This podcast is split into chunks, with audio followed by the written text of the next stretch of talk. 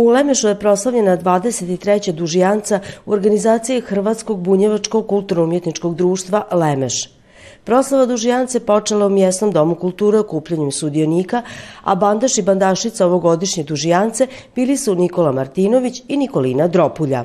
Stvarno mi je čast i veoma mi je bilo drago kada su me pozvali. Nisam to očekivala ove godine, ali eto, stvarno mi je čast da predstavljam ove godine naše selo i eto da vidite kako se to država kod nas u selu. Evo ti si se obukla u bunjevačku nošnju, ali koliko vidim ovaj e, prsluk i pregača jesu stariji od, od nekadašnje bunjevačke nošnje. Jeste, stari su sigurno oko 100 godina i to sam dobila, e, mislim ne na poklon, nego sam pozajmila i pomogla mi je žena koja je u tome svemu bila ranije da me obuči, da sve to ovako izgleda kao što izgleda. Čast mi je što su me pozvali i što sam baš ja taj koji da učestvuje na dužijansi, Evo, e, ti si se i obukao onako kako se oblači. E, ko ti je tu pomogao? Je li to nešto što je staro, što se čuva u vašoj kući? Pa pomogli su mi prijatelji i rodbine i Mali bandaš i bandašica novogodišnjoj Lemeškoj dužijanci bili su Aleksa Hajnal i Vanja Selak. Osim Lemešana, dužijancu su uveličali i gosti. Gosti su nam došli iz Hrvatskog kulturnog centra Bunjevačko kolo. E, zamolili smo da i par mladi da se obuku da bi nam uveličali Dužijancu. Došli su iz udruge Dužijanca. E, somborci bandaši kao i svake godine dolaze i naravno naši gosti koji su stalni i verni pratioci dužijance. Svečano misno slavlja održano je u crkvi Blažene Djevice Marije, a uz mjesnog župnika Antala Egedija misu je predvodio velečasni Gabor Drobina. Nakon mise, već po tradiciji, za sudionike dužijance pripremljen je prijem u mjesnoj zajednici. Gledate paletu. Izbor iz emisija na jezicima nacionalnih zajednica.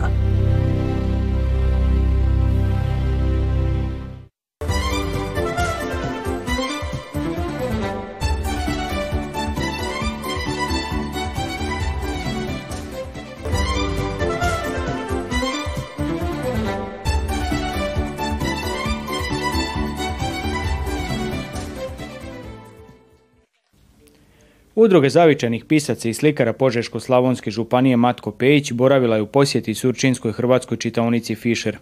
Tim povodom u dvorištu Župne crkve organizirano je predstavljanje udruge kao i pjesničko veče Ikavice i druge poezije. Mi smo već organizirali dvije priredbe eh, eh, kojom isključivo eh, govorimo ikavicom, odnosno izražavaju se pjesnici sa svojim radovima na ikavici i pozivamo druge pjesnike, književnike koji su nam gostovali i ujedno i klapsko pjevanje, ali opet sa tematikom područja ikavice, odnosno na stihovi moraju biti u ikovskom E, izričaju. E, tako smo čuli i za e, ovu e, čitaonicu, hrvatsku čitaonicu Fischer, jer i ovdje oni surađuju sa ostalim hrvatskim pjesnicima, pa smo rekli hajmo napraviti jednu lijepu suradnju, da prezentiramo nas kao udrugu i taj ikavski govor i da se povežemo i da pružimo jedni drugima ovaj, ugodno druženje i zajedničku nekakvu suradnju. Vrlo nam je ovo značajno jer do sada smo uglavnom gostovali na području Hrvatske. Ovo je sada prva suradnja izvan Hrvatske i ovo nam je baš zanimljivo i odlično.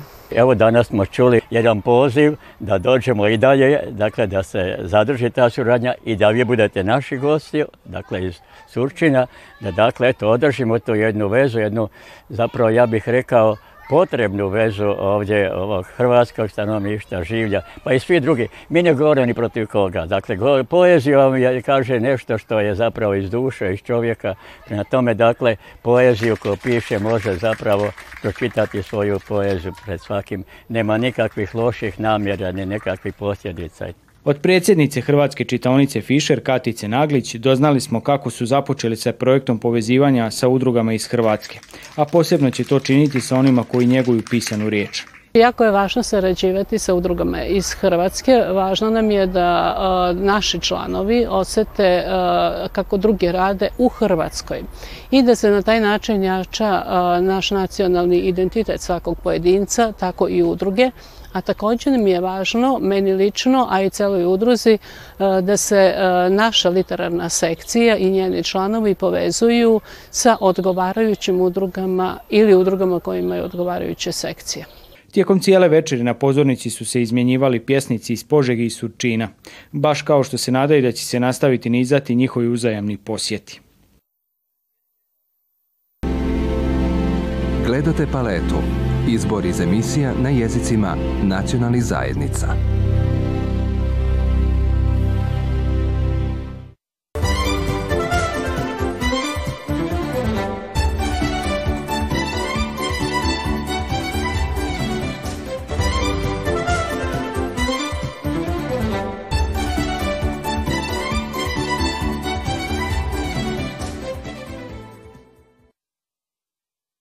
Pjesma Veseli žamor, glazba, zvuci stolarskih radova odzvanjali su Marijanskim svetištem Bunarić pokraj Subotice.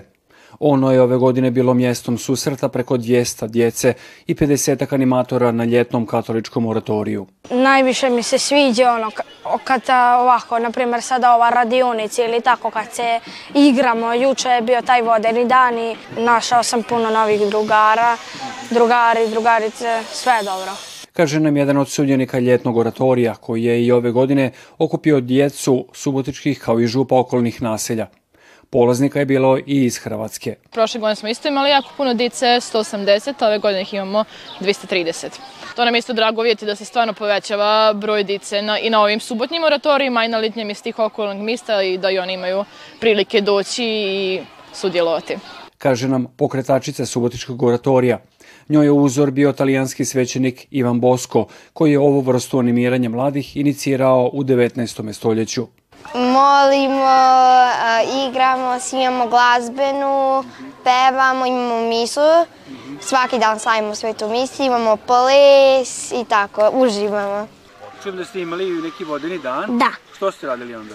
Onda smo se spuštali na nekom kao toboganu. Mhm pa smo se gađali sunđenima mhm. i onda smo gađali animatore balonima, punjenim vodom uvijek kad e, reklamiramo, onako kao reklamiramo kao zabavu, igre, druženje, ali nama je svako cilj ta neka duhovna poruka i tema koja nam je svake godine, da to nam je onako glavno na što mi stavljamo fokus, ali naravno to bude svega. Gledamo tako da to bude korisno i za njihovo tijelo, i za duh, i za e, socijalizaciju i tako, tako da naravno radimo pre svega interesu djece. Kroz igre, duhovne i druge radionice djecu su vodili animatori.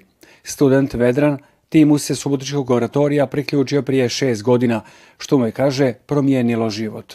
Ta vrsta energije, spontanosti, ljubavi, požrtvovanja i na kraju krajeva dom Boskovih pravila koje je ostavio nama, animatorima, naravno i djeci i generalno to je to nije samo za nas, to je, to životno nešto, način postupanja prema ljudima.